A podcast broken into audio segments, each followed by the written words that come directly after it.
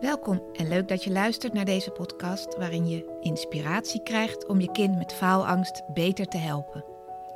Mijn naam is Mariette Diets en samen zorgen we ervoor dat jouw kind een fijnere schooltijd krijgt. Dit is de Pubers met Faalangst podcast. Hey, ook in dit tweede seizoen wil ik elke vierde aflevering, en dat is deze bijvoorbeeld, een oefening geven of een tip geven die ook gewoon handig is voor je kind om naar te luisteren. Dus voor de leerling zelf, de leerling met faalangst of misschien met motivatiegedoe. De oefening voor vandaag gaat echt rondom angst. En voordat ik hem ga doen, wil ik eerst uitleggen waarom die goed is.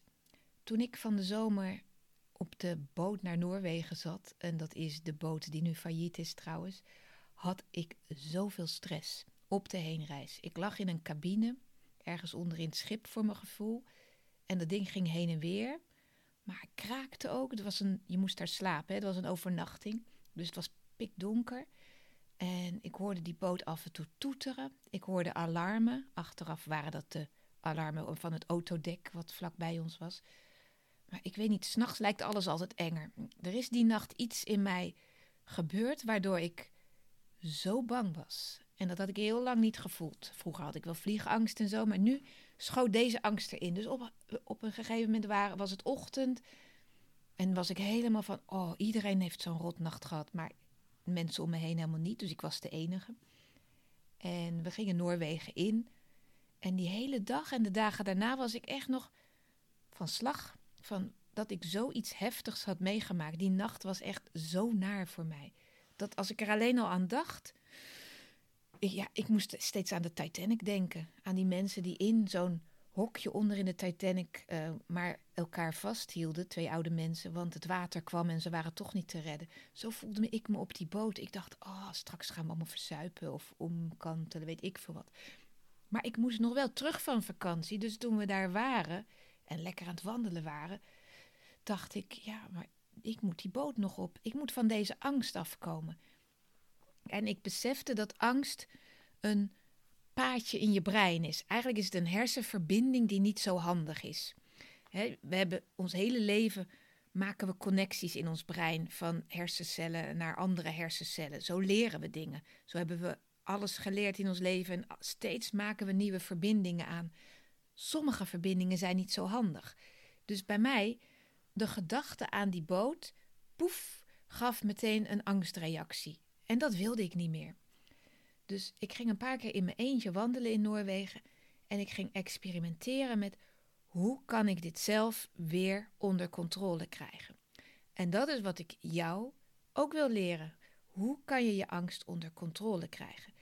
Ik was me er heel bewust van dat ik het zelf triggerde met bepaalde gedachten. Dus als ik dacht terugreis, dacht ik. Titanic, kan ik niet aan, wil ik niet, gevaar. Dus ik dacht van alles, waardoor ik die stressreactie weer in mijn lijf voelde. Dus mijn plan om dat aan te pakken, en dat is eigenlijk al de oefening nu die ik je ga vertellen. Ik ga geen uh, jingle-jangle muziekje vandaag doen, maar meer gewoon uitleggen wat je kan doen om je angst en je paniekaanvallen te verminderen als je het voelt opkomen, en ik voelde dat opkomen van, oh, ik denk er weer aan, dat ik meteen tegen mezelf zei, stop, en ik ging wat doen. En dat was dat ik iets van mijn linker naar mijn rechterhand ging bewegen.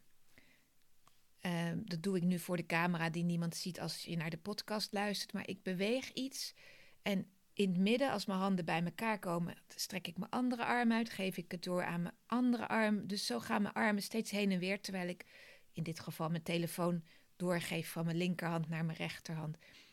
Dus ik was dan aan het wandelen en dan had ik een waterflesje in mijn hand.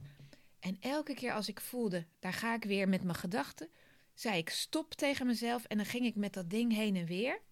Terwijl ik aan het lopen was in Noorwegen is toch niemand, dus niemand zag me.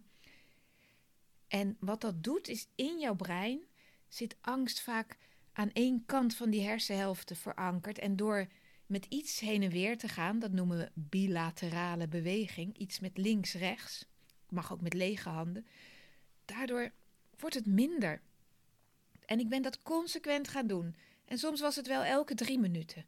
Ging ik een stukje lopen en dan dacht ik weer aan de boot en dan zei ik tegen mezelf stop. En dan ging ik meteen eventjes die beweging met mijn handen maken. En als je niet snapt wat, dan moet je de video op YouTube maar even gaan kijken. Ik had dan een voorwerp en dat ging gewoon via mijn handen. Armen strekken naar links, armen strekken naar rechts. Steeds maar heen en weer. Tot het weer zakte. En dan liep ik weer verder. En als ik het dan weer op voelde komen, zei ik weer stop tegen mezelf. En dan ging ik echt dat steeds maar doen. Het is gek, maar het werd steeds minder vaak. Dus in het begin was het elke drie minuten. Daarna was het misschien elk kwartier. Ik heb heel veel gelopen daar. Meer kan je niet in Noorwegen. En daarna werd het elk half uur of elk uur. Daarna had ik het misschien nog één keer per dag. En na een paar dagen dacht ik: Het komt niet meer op. Ik kan nu aan de boot denken zonder die kant op te gaan. We don't go that way. Dat had ik met mezelf afgesproken. Stop, we gaan niet meer die kant op. En na een paar dagen ging ik ook niet meer die kant op. En het is zo bizar en zo simpel dat ik gewoon wil dat je dit gaat proberen. Elke paniekreactie begint met een trigger. En je moet gaan voelen bij jezelf wat triggert het. En vaak is het een gedachte. Een gedachte aan een toets. Een gedachte aan onaardige klasgenoten. Een gedachte aan dat je voor de klas moet staan en je presentatie en je bent je tekst vergeten of zo. Je kan met je gedachten begint het vaak. En dan vaak zijn dat niet fijne gedachten. Iets wat niet goed gaat. En dan in jouw brein is daar dan een paadje naar een keel die dichtknijpt of, of een, een tranen of iets in je lijf. Soms bij sommige mensen is het in de borststreek. Iets fysieks volgt daarop. En dat paadje ga je dus onderbreken door meteen als je die trigger voelt van ook denk dit weer, hup, stop, we don't go that way. En dan ga je die beweging van links naar rechts maken. Elke keer opnieuw. Elke keer. En als je weer het oude beeld voor je ziet van, oh, ik zie een toets voor me, zet het in gedachten heel ver weg. Vaak zit het in your face, zeg maar vlak voor je. In gedachten zet je het helemaal in de hoek van de kamer of zelfs buiten in de tuin dat beeld van wat, waar je zo last van hebt, van dat waar je bang voor bent.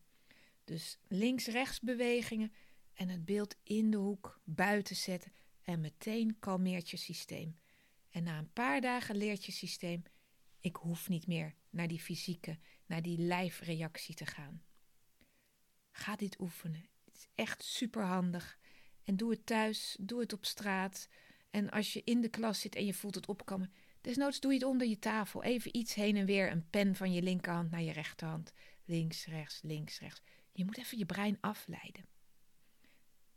Succes ermee. En als je een vraag hebt, stuur me gewoon een mailtje, een berichtje. Je weet me wel te vinden op social media of kijk anders even onder deze podcast. Doei doei. Bedankt weer voor het luisteren naar de Pubers met Faalangst podcast. Wil je met mij sparren over jullie situatie? dan kun je altijd een gratis kennismakingsgesprek inplannen via www.dietscoaching.nl. Vind je deze podcast interessant? Abonneer je dan en geef hem een goede review. Dat helpt mij enorm om nog meer ouders te bereiken.